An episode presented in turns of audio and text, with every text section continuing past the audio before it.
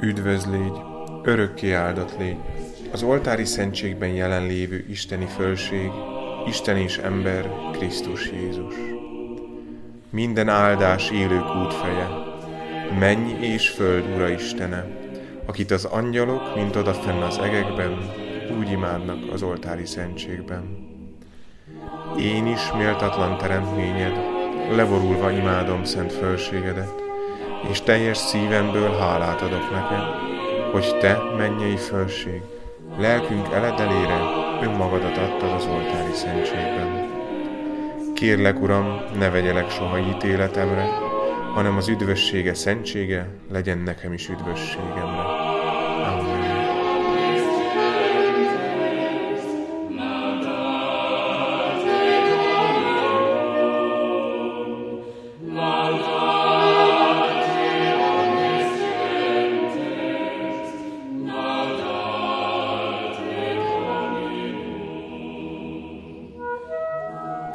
Minden forráson belőled fakad. Az evangelizáció iskolája. Negyedik előadás.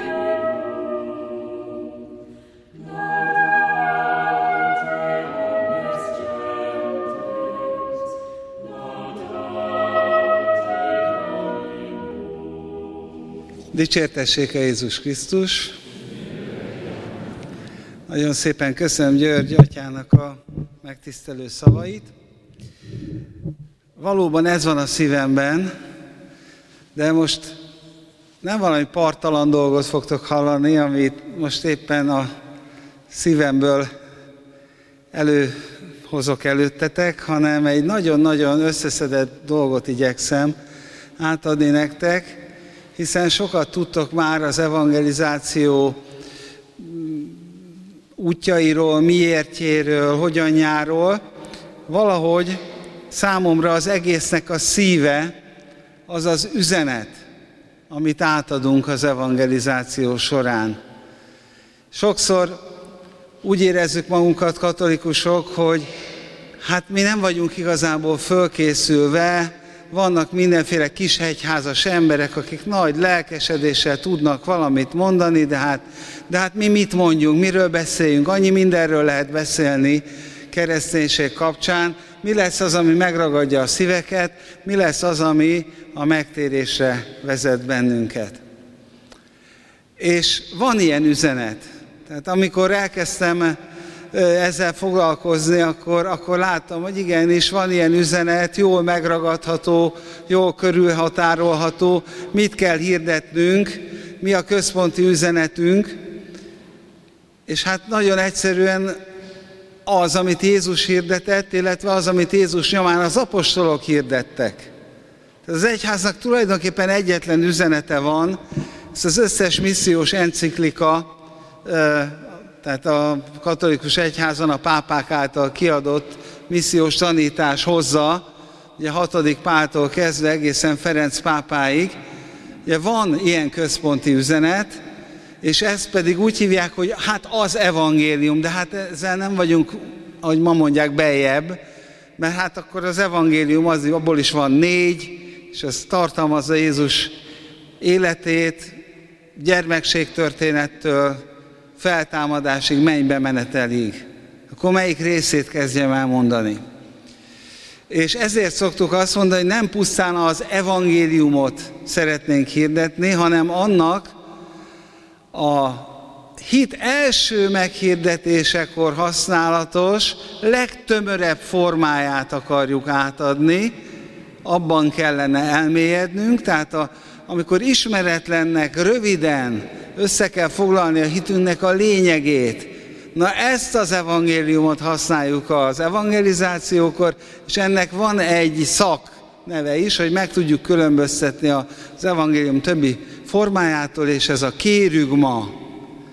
Így nevezik, hogy a kérügma, vagyis az a központi üzenet, az a legtömörebb üzenet, amely egyben a hallgatókat megtérése is hívja, és bevezeti az Isten ismeretébe, nem is csak egy elméleti ismeretbe, hanem az Isten jelenlétébe.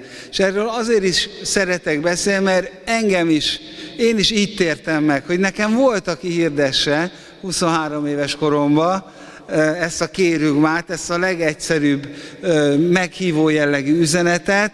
Hál' Istennek volt olyan ember, aki ezt össze tudta foglalni, el tudta mondani, és ez megérinti az emberek szívét.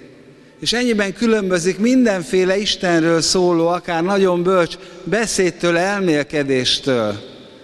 Mert Szent Pál apostol azt mondja erről az üzenetről, a kérügmáról, az első korintusi levél első két fejezetében beszél erről, hogy ennek van olyan ereje, amely megragadja a szívet, és az ember tényleg elvezeti a megtérésre.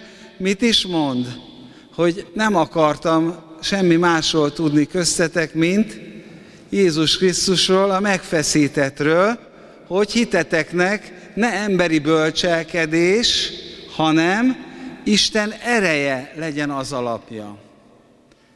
Tehát az üzenetünk középpontjában Jézus Krisztus áll, az ő megváltó halála és föltámadása, és ez az, az ő személyéből árad a meghirdetéskor is, az az erő, amely az emberek szívét megragadja.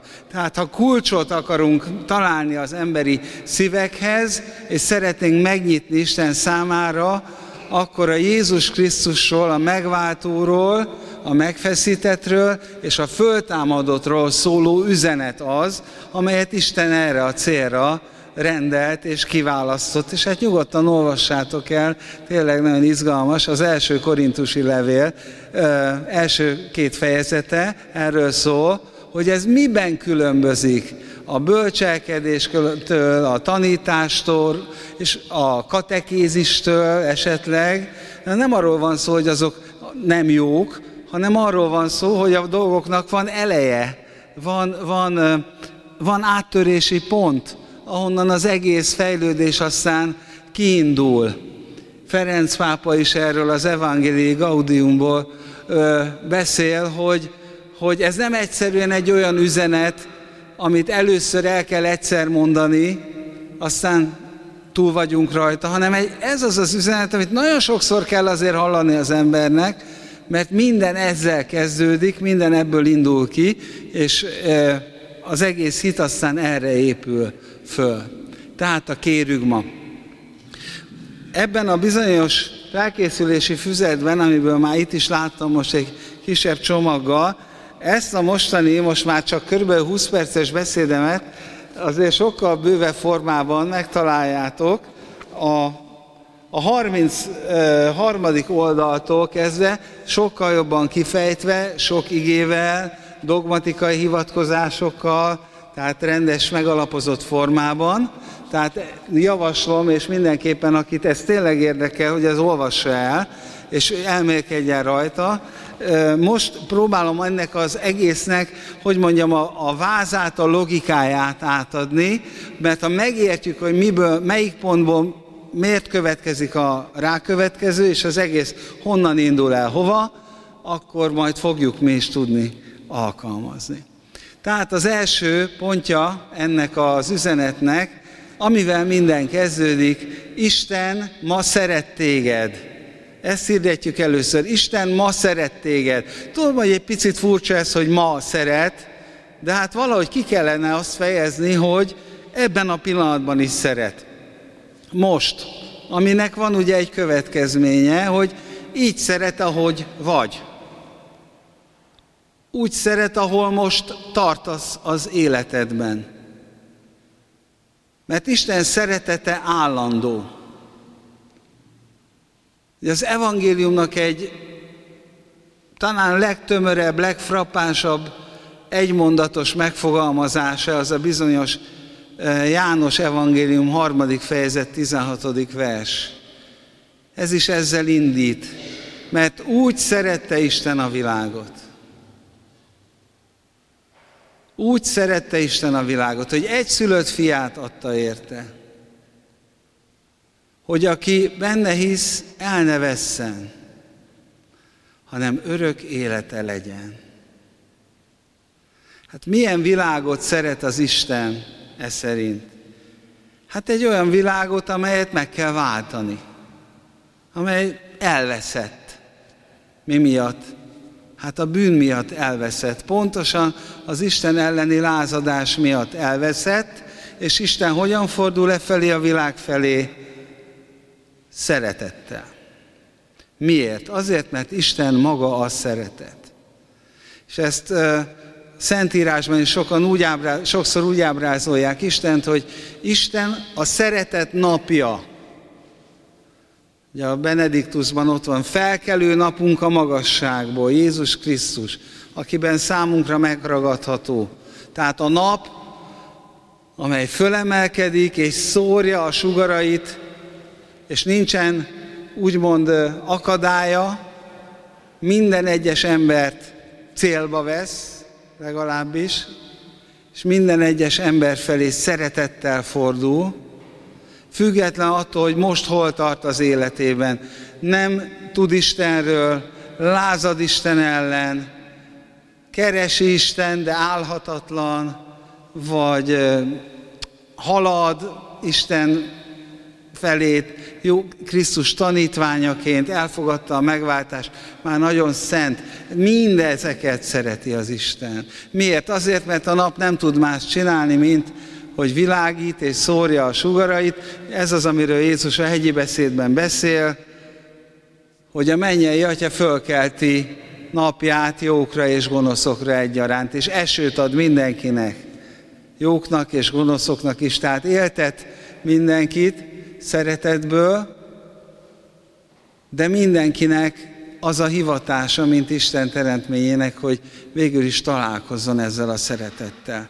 Tehát Isten szeretete állandó, személyes, hiszen mindannyian Isten gondolatából származunk, mindennyiunkat akart Isten, olyan emberrel nem fogunk találkozni, akit Isten nem akart, aki csak úgy véletlenül itt van, személyes, és mindannyian arra rendeltettünk, hogy ez a mi eredetünkkel, akitől származunk, vele találkozzunk, és vele szeretett kapcsolatban éljünk, és az eddigiekből kiderül, hogy Isten szeretete feltétlen.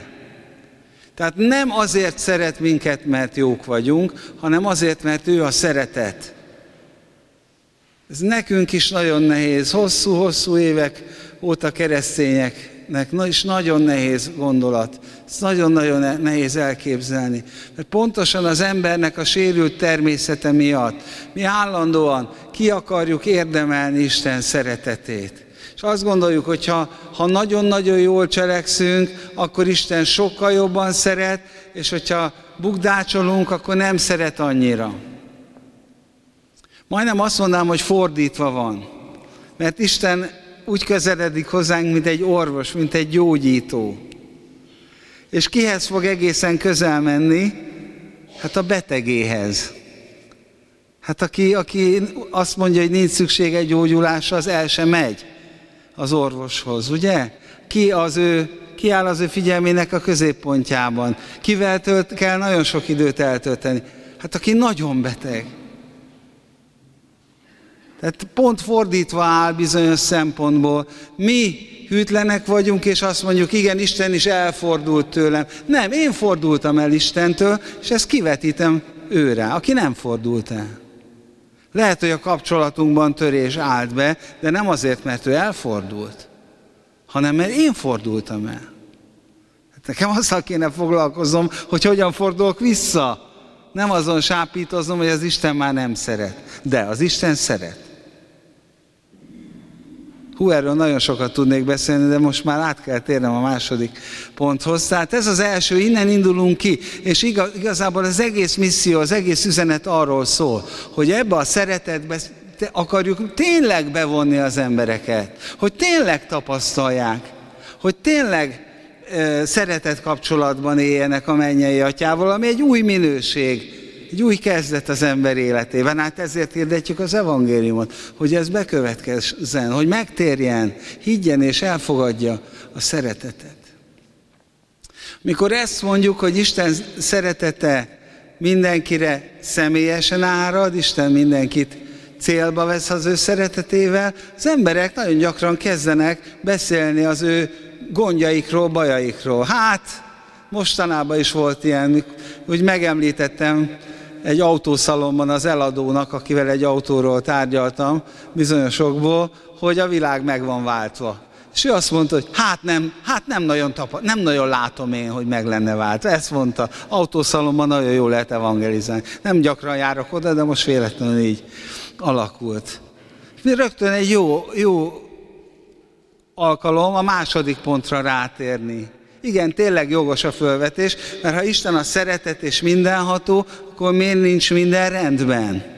Ugye a Földön, miért nincs minden rendben? És hát Hát azért, amit jó templomba járóknak beszélek, amit múlt vasárnap hallottatok az evangéliumban. Azért, mert az ember fölmondta a szeretet kapcsolatot az Istennel.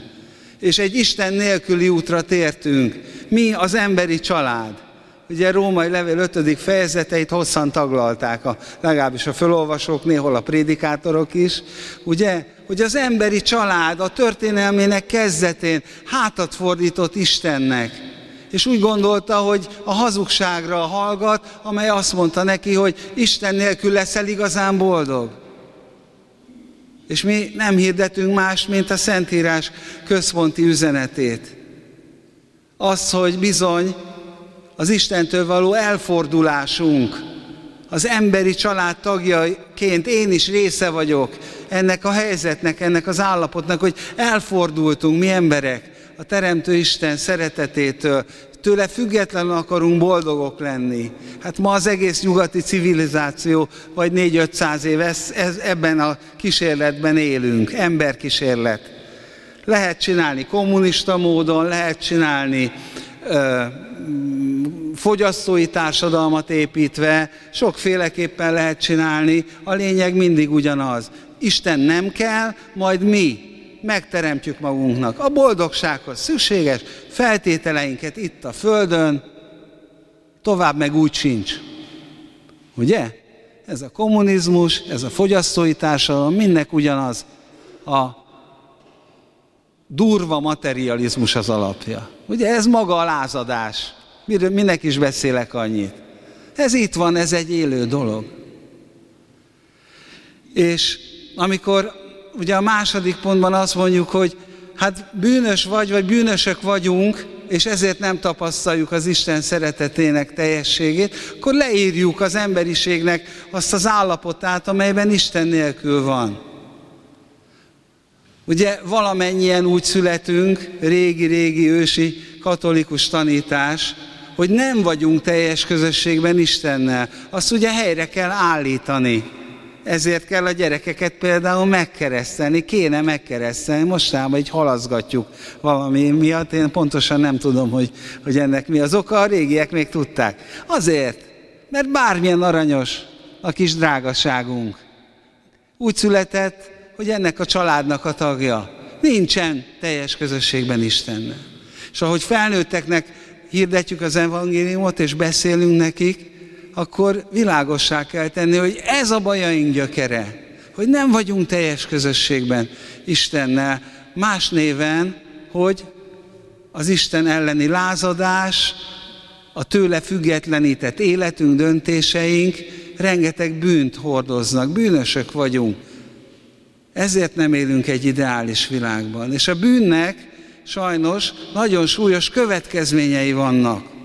A bűn maga röviden, egyszerűen annyi, hogy elszakadtam Istentől. És ha Isten az élet, és ezt megénekeltük egy párszor itt a Szent Mise kapcsán a vége felé is, meg elmondtuk, hogy a nekes imában mivel kezdődik, mennyei atyánk minden élet forrása. Erről van szó mindig. Ha én bűnös vagyok és elszakadtam Isten szeretetétől, ez azt jelenti, hogy nincs életem. Tehát hordozom a halált. És ez az életem összes dimenziójában megnyilatkozik.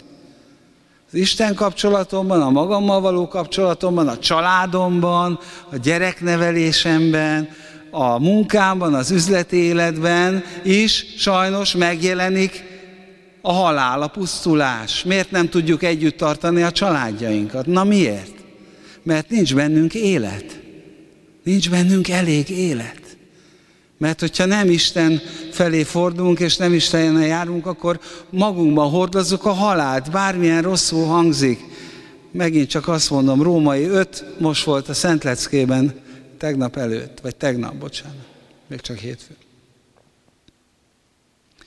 Tehát ilyen problémával küzdünk. Igen, bűnösök vagyunk, és ugye az utolsó rossz hír a bűnnel kapcsolatban, amit el kell mondani, hogy a magunk erejéből nem is tudunk ezen változtatni. Mi nem tudjuk lemosni a saját bűneinket, eltüntetni a bűneinket. A bűn az egy szellemi valóság. A cselekedeti bűneim azok szellemi valóságként ott állnak, ugye azt olvassuk az Ószövetségben, bűneitek falként tornyosulnak köztetek és Istenetek között.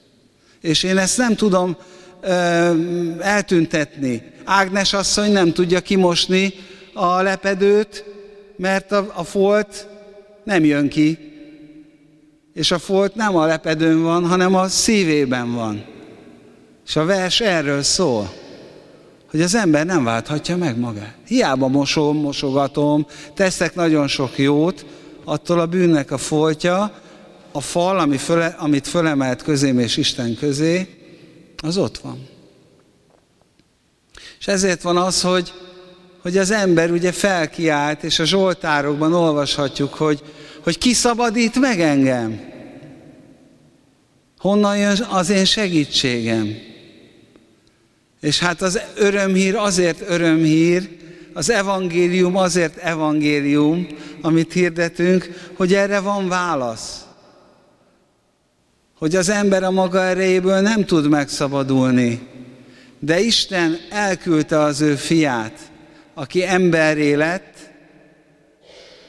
egészen tiszta bárányként jött hozzánk, elküldte az ő fiát, Jézus Krisztust, hogy ő az egészen tiszta, akit nem terhel Ádám fiainak rossz öröksége, és nem terhelnek a saját cselekedeti bűnei, fölvehesse magára a mi terheinket. És valami elképesztő szeretet nyilvánul meg ebben. Úgy szerette Isten a világot, hogy egyszülött fiát adta érte. A szeretetének a legnagyobb jele. Ennél jobban nem tudta kimutatni a szeretetét, mint hogy elküldte az ő egészen tiszta fiát. És a fiú pedig ebben, ebből a szeretetből kiindulva magára veszi a sötétségünket, a betegségünket, a bűneinket, és a bűnnek minden következményét, és elviszi a halálba, elviszi a kereszt halálba, és a halálában ezeket megszünteti föltámadásával pedig megmutatja az élet győzelmét. Igen, a bűnötöket lemostam, halálommal és a feltámadásom erejét kínálom föl nektek, hogy kezdjetek újat. A keresztel lezárom a múltatokat, és egy jövőt nyitok nektek, egy új jövőt adok nektek, reményt és jövőt. Ugye ez volt 2007-ben a szlogenünk, hát nem ment ki a divatból. Mert Jézus azóta is kínálja az újat, azt a, az új életet, amit a bűntől megszabadítva kínál nekünk. Azt ő úgy nevezi, hogy újjászületés, új életet akar, akarok nektek adni. Lehet, hogy meg vagy keresztelve, kisgyermekkorod óta, ott hordozod magadban az új életnek a csíráját. De ez az új élet hatalmasan kiterjedhet benned, ha akarod. És már itt is vagyunk a következő pontnál. Ugye Jézus Krisztus megváltása, az, hogy elvet, levette a bűneink terhét, az, hogy új életet kínál nekünk. Ez egy objektív tény. Ezt mindenkiért megtette, ezt mindenkinek kínálja, mindenkinek. bármilyen vallású, vagy itt él Magyarországon, vagy Európában, és hitetlen, vagy nem érdekli, föl sem merül benne, hogy neki Jézussal, meg ilyesmikkel kéne foglalkoznia. Neki is kínálja Isten a bűnei bocsánatát, neki is kínálja az újjászületést, az új életet. Hogyan lehet az enyém? És ez a következő pontunk már a negyedik. Higgy és térj meg!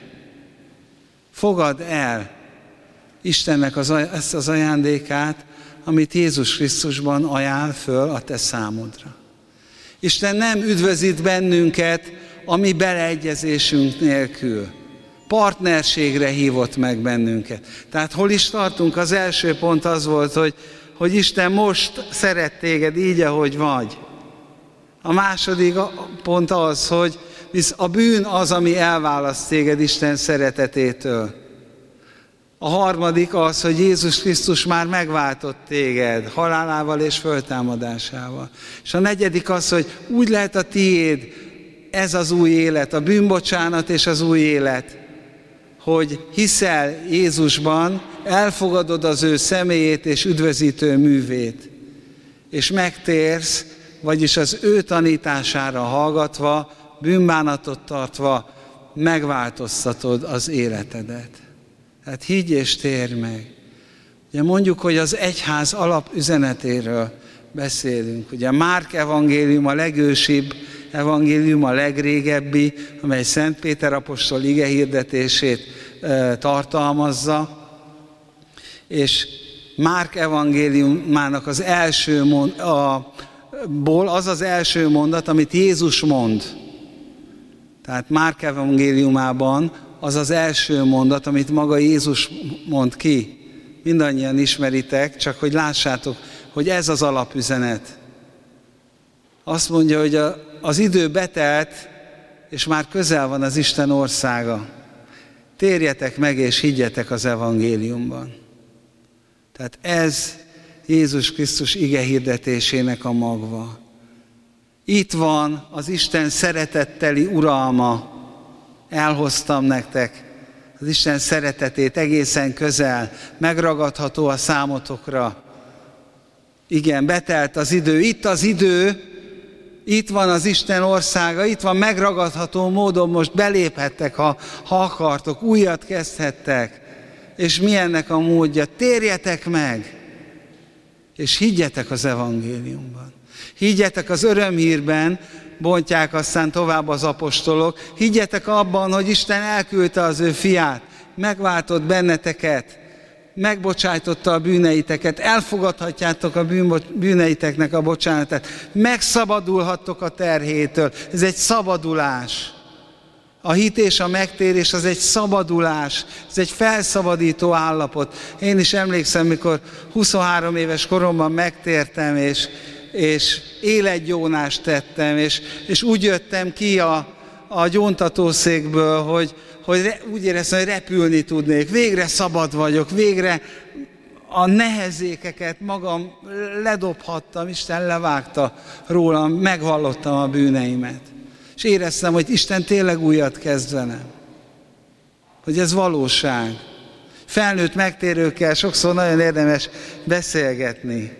Mert sokszor el tudják mondani azt, amit mi tudunk, tudunk, rég, régóta keresztények, de, de ők valahogy úgy frissen és, és a lényegét tekintve át tudják adni, hogy, hogy tényleg a keresztények lenni az nem egy ilyen savanyú kötelesség teljesítés, hanem örömhírt hirdetünk.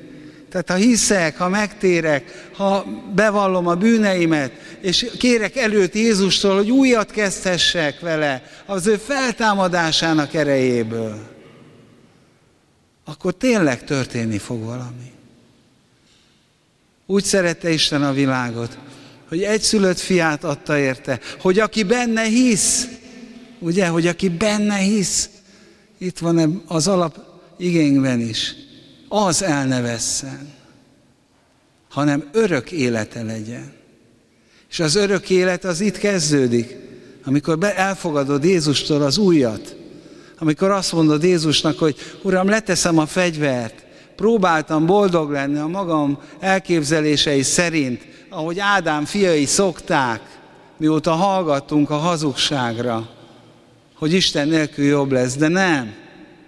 Istenem, én hozzád jövök, elfogadom a te megoldásodat, magamhoz ölelem a te fiadat, elfogadom, hogy ő benne van az élet, az ő keresztjében, halálában és föltámadásában.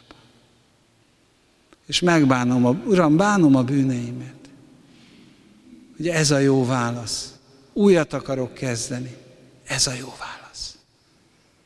És amikor szó van arról, hogy, hogy milyen lesz ezután az élet, egy ilyen jó kezdet, hogyan teljesedik ki, akkor még hirdetjük neki az utolsó két pontot is.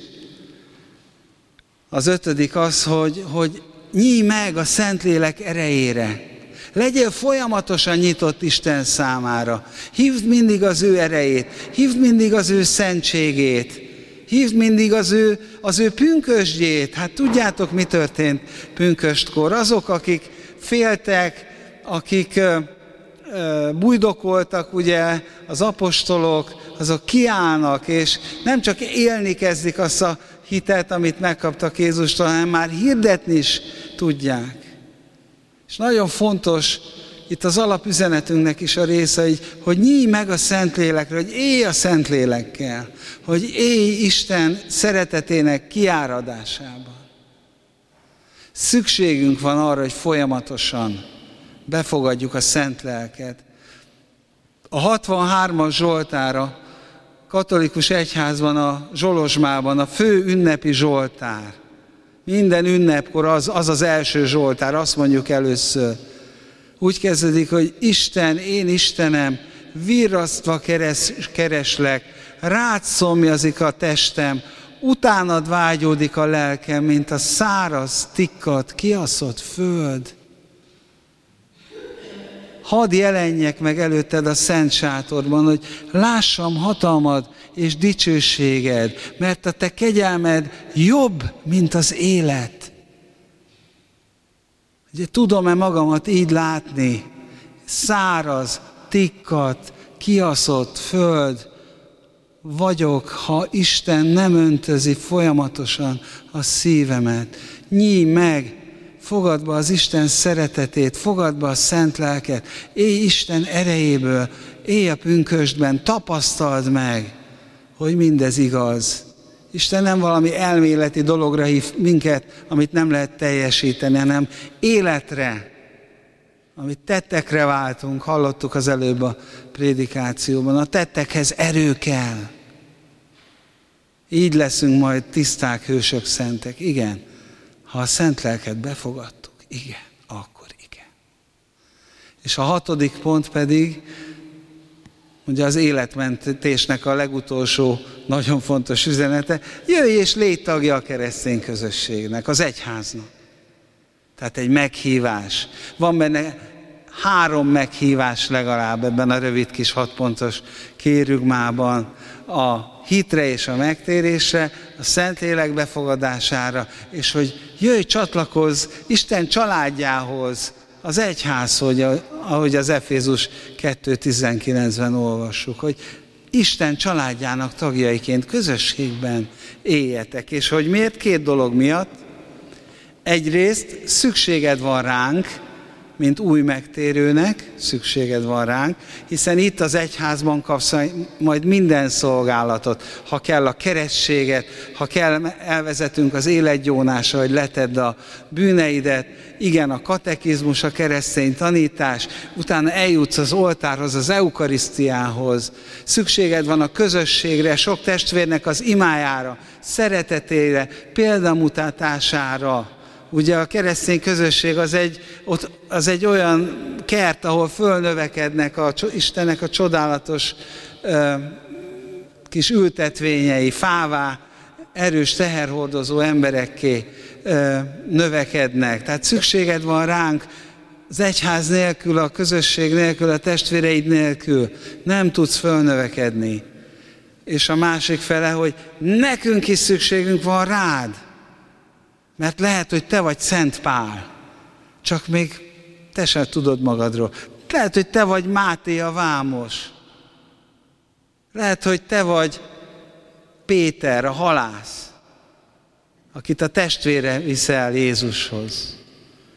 Lehet, hogy te vagy Szent Ágoston, a nagyképű, beképzelt és jól képzett ügyvéd, jogász, filozófus, ugye? Aki az egyházat tanítja a mai napig, holtába is. Lehet, hogy te vagy az, az új ember, aki az utcáról jött be. Hát ezek mind messziről jöttek, mind kívülről jöttek. Egyik se úgy képzelte az életét, hogy apostol lesz. Tehát szükséged van ránk, mert ugye itt ez a kenyér háza, innen lehet táplálkozni, és nekünk is szükségünk van rád.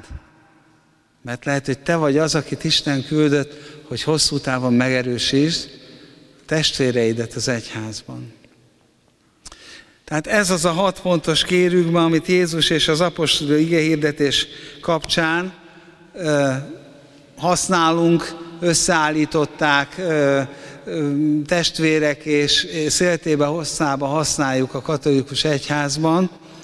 Tehát még egyszer, de fölhívom a figyelmeteket, hogy ennél sokkal jobban kifejtve megtaláljátok itt a fölkészülési füzetben a 33. oldaltól, vagy, vagy 20-25 oldalon keresztül, sok-sok igével, most igéket nem nagyon volt időm mondani, csak egyet-kettőt. Tehát Isten most szeret téged, ezt mondjuk el azoknak, akik, akiknek tanúságot szeretnénk tenni, a bűn elválaszt viszont Isten szeretetétől, és ez nagyon nagy probléma. A jó hírünk az a harmadik pontban, hogy Jézus már megváltott téged, és megtette, ami a megmentésedhez szükséges. A negyedik pont az, hogy higgy és tér meg Jézus Krisztushoz, fogadd el Istennek a bocsánatát, fogadd el Jézus személyét, hívd el őt a szívedbe. Az ötödik pont, hogy nyíj meg a Szentlélek re és az Isten szeretetére a Szentlélek által, és a hatodik pedig az, hogy jöjj és légy tagja a keresztény közösségnek. Hogyha ezt úgy mélyen átérezve, és erről tartatnánk hosszú lelki gyakorlatot, egy hétvégét, vagy egy heteset is tudnánk erről tartani. Ha ezen imádkozunk, és ez a szívünkbe hatol, és mi is tudjuk, hogy Jézus tényleg megmentett engem is, akkor tényleg el tudjuk mondani másoknak ezt örömmel, mindenféle propaganda vagy, vagy egyéb más mellékíz nélkül. Kívánom nektek, és imádkozom, hogy ti is ebben a közösségben jussatok el az alapvető evangéliumnak úgy az átéléséig, a mélységeig, és aztán ti is tudjátok majd hirdetni, és sokakat hívjatok meg, vezessetek el Jézus Krisztushoz. Nagyon köszönöm, hogy meghallgattatok.